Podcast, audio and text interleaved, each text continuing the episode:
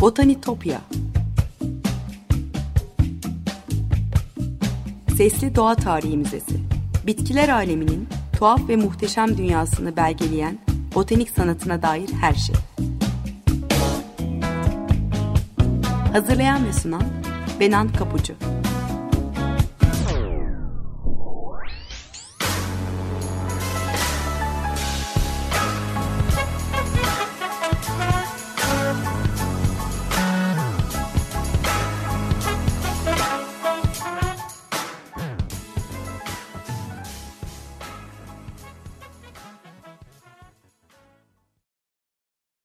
Merhaba sevgili Açık Radyo dinleyicileri.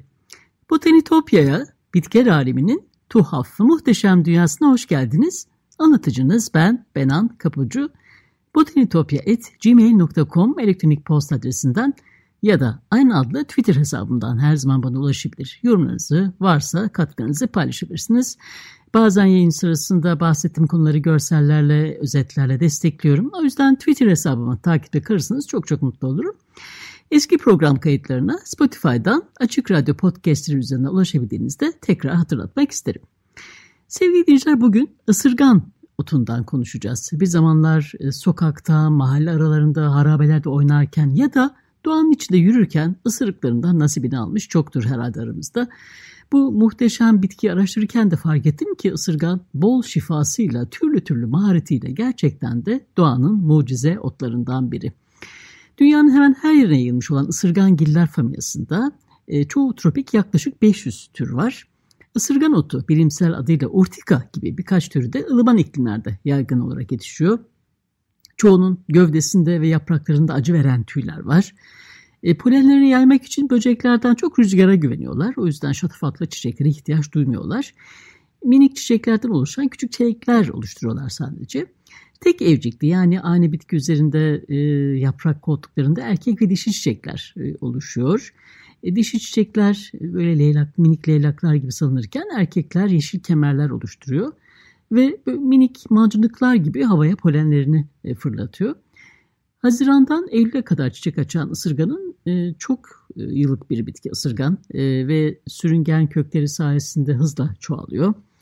E, bitkiye dokununca üzerindeki emergens tüylerin başı kırılıyor ve içinden çıkan formik asit, histamin gibi maddeler e, cilde değen yerde kaşıntı ve kızarıklık yapmaya başlıyor. O yüzden ısırgan diyoruz zaten. Isırgan otunun e, urtica cins adı latince yakmak anlamına gelen uro sözcüğünden geliyormuş. E, Kuzey Avrupa'da, Asya ve Kuzey Amerika'da yetişen ısırgan otları nehir kenarlarında, hendeklerde, çiftlik ve bahçelerde, çöplüklerde, yangın yerlerinde, e, ormanlık ve çorak arazilerde serbestçe, bolca yetişiyor. Anadolu'da da yaygın. Özellikle Karadeniz bölgesinde çokça serpiliyor gölgelerde. E, suyu, yağmuru seven de bir bitki olduğu için. E, bir yerde ısırgan otundan koloniler oluşmuşsa o toprağın verimli olduğu Bazen de oranın uzun zaman önce ortadan kaybolmuş bir çöplük olduğu e, anlamına geliyor. E, isırgan otu e, fosfor açısından zengin toprakta gelişiyor çünkü. Humus oluşumunu uyarıyor. Toprağı zengin ve işlenebilir hale getiriyor. Tavus kuşu kelebeğinin siyah beyaz tırtılına ev sahipliği yapan bir bitki ısırgan otu.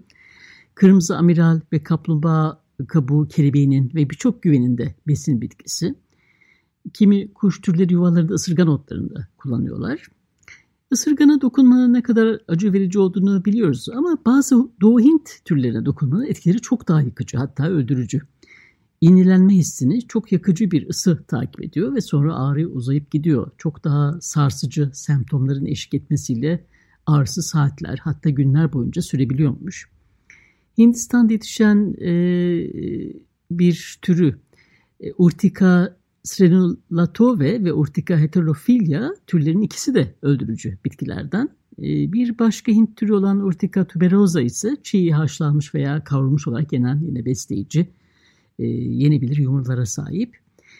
Bir Java türü olan Urtica urantissima ise bütün bir yıl süren hatta bazen ölüme neden olan etkilere yol açabiliyormuş.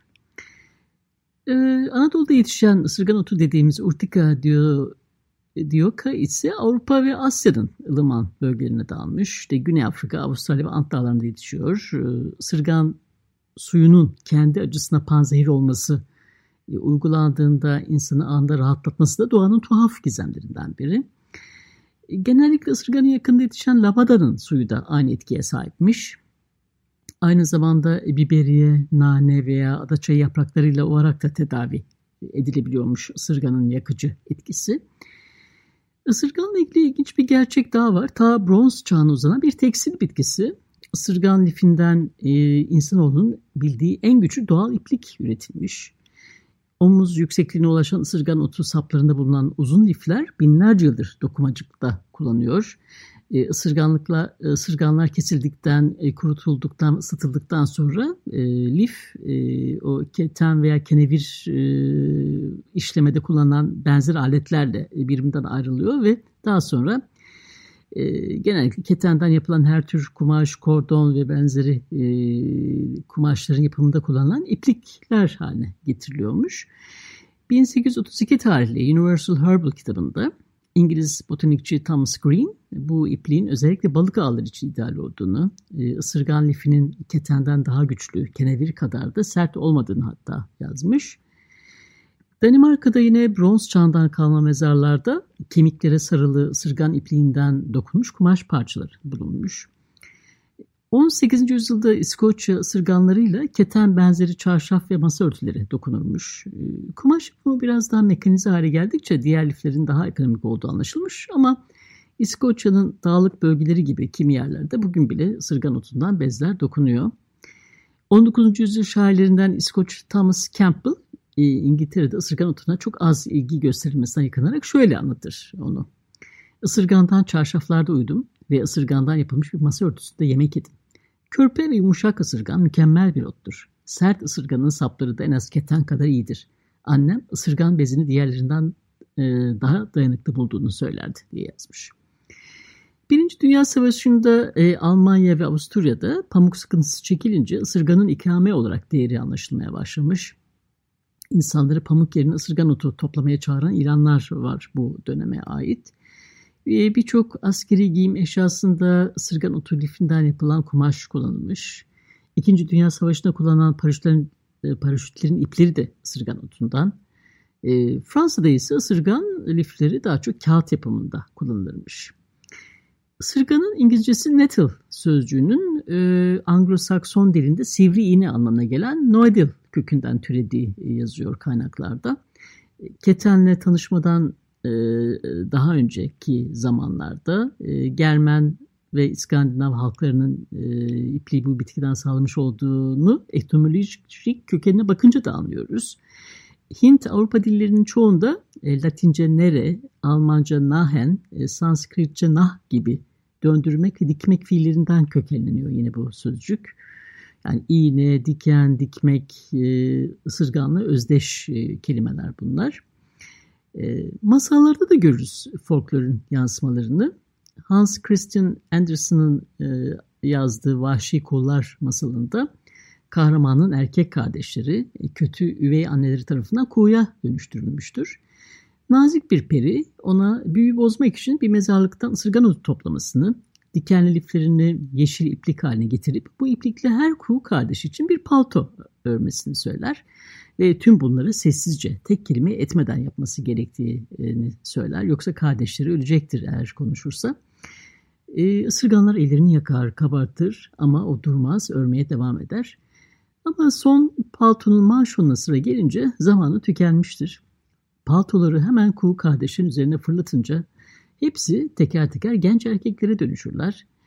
Ama tek kol yerinde bir kanadı kalan tamamlanmamış palto düşen o kardeşi hariç ve ardından başka bir hikaye başlar. Anderson masallarıyla büyüyen bir kuşaktan olduğum için o tarlalarda, çalılıklarda, yıkıntılar arasında büyüyen ısırganlar bu peri hikayelerini gerçekten anımsatır bana. Evet bir müzik arası verelim sevgili dinleyiciler. Lorena McKennett'ten dinliyoruz. Lost Souls. 5-6 dakika sonra tekrar buluşup ısırganın hikayesinden konuşmaya devam edelim. Merhabalar tekrar. 95.0 Açık Radyo'dasınız. Isırganı konuşuyoruz Botanitopya'da. Isırganın romatizma için bir çare olduğuna dair de yaygın bir yanlış var. Anadolu'da da batıda da öyle. Eskiden batı kültüründe de e, bacaklarına ısırgan sürülen çocukların hayatlarının geri kalanında sağlıklı olacağı ve asla romatizma olmayacağına inanılırmış. E, bugün de romatizma için öneriliyor ama bilimsel yönünü bilemiyor doğrusu. E, Romalılar ısırgandan kamçılarla sadece romatizmayı değil, tifo ve epileptik nöbetleri tedavi etmek için de ısırganı kullanmışlar. E, donma tehlikesine karşı bedenlerini ısırganlarla kuvvetlice oluştururlarmış.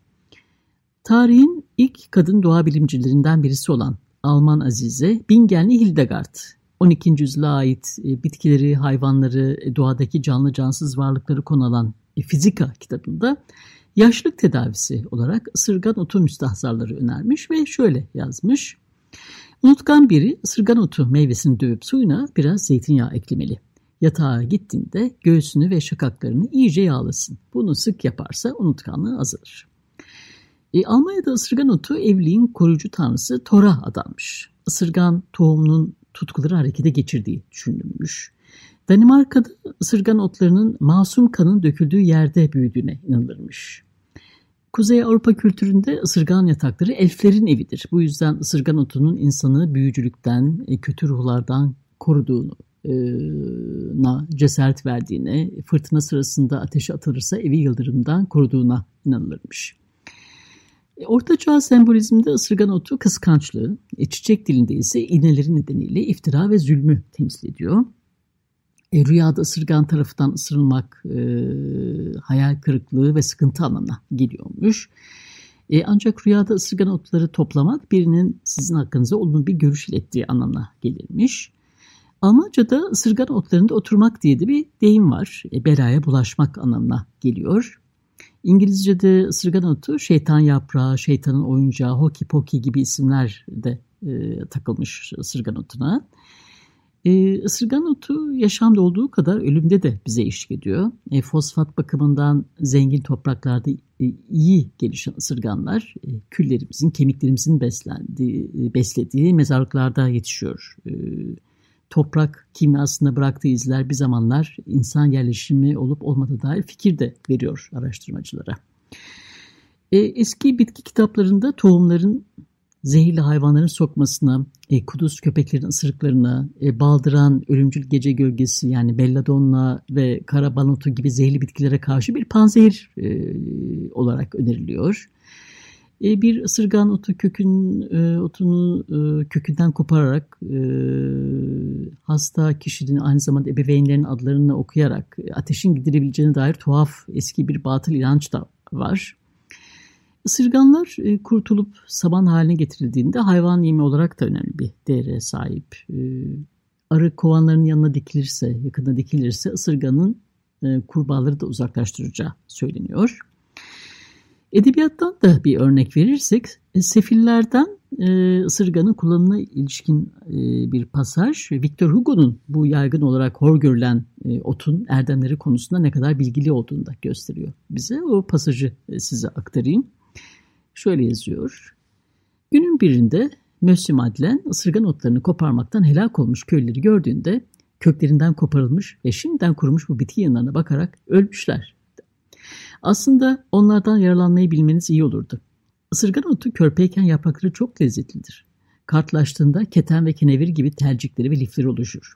Isırgan otu doğrandığında kümes hayvanları, öğütüldüğünde büyükbaş hayvanlar için güzel bir yem olur. Samana katılan ısırgan otu hayvanların tüylerini parlaklaştırır.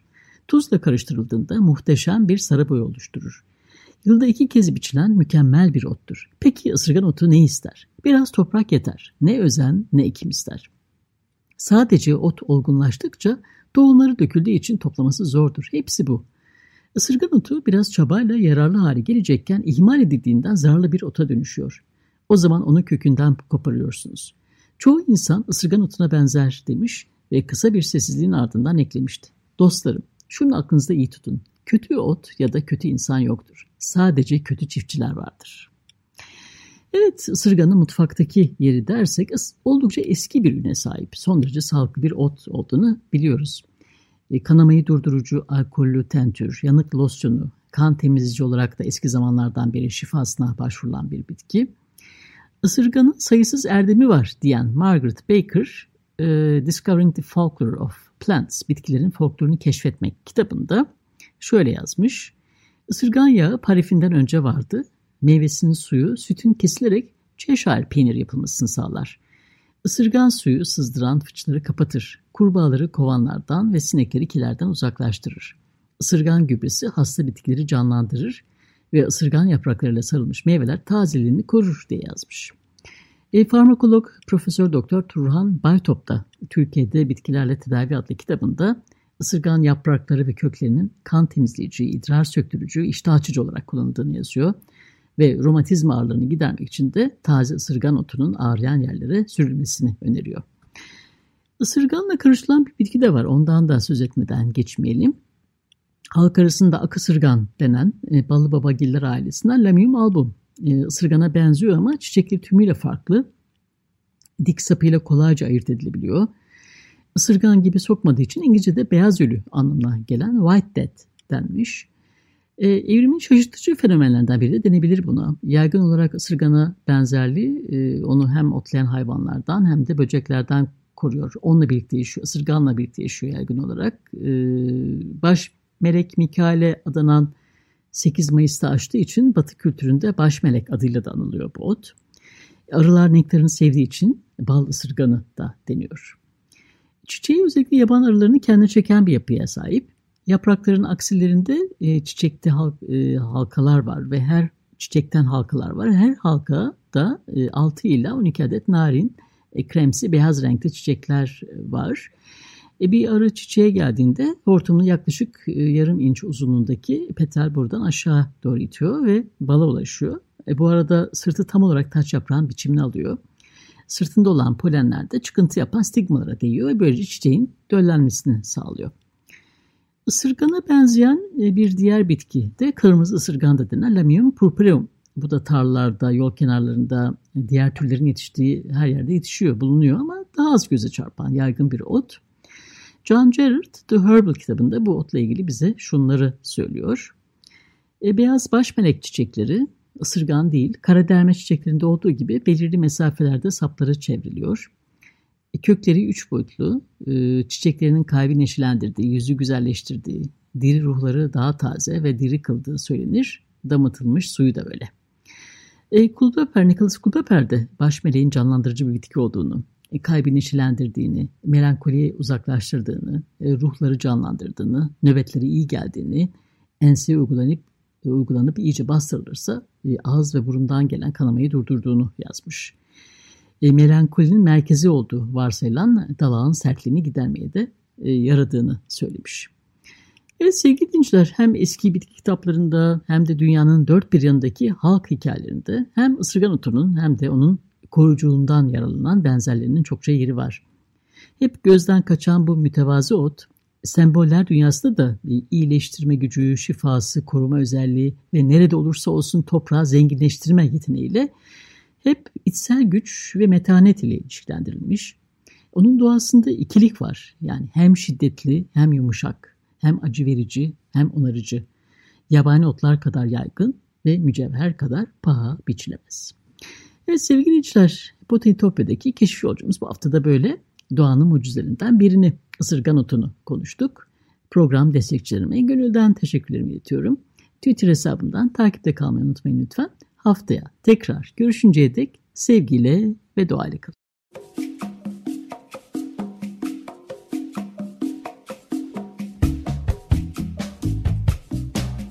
Botanitopya Sesli Doğa Tarihi Müzesi Bitkiler aleminin tuhaf ve muhteşem dünyasını belgeleyen botanik sanatına dair her şey. Hazırlayan ve sunan Benan Kapucu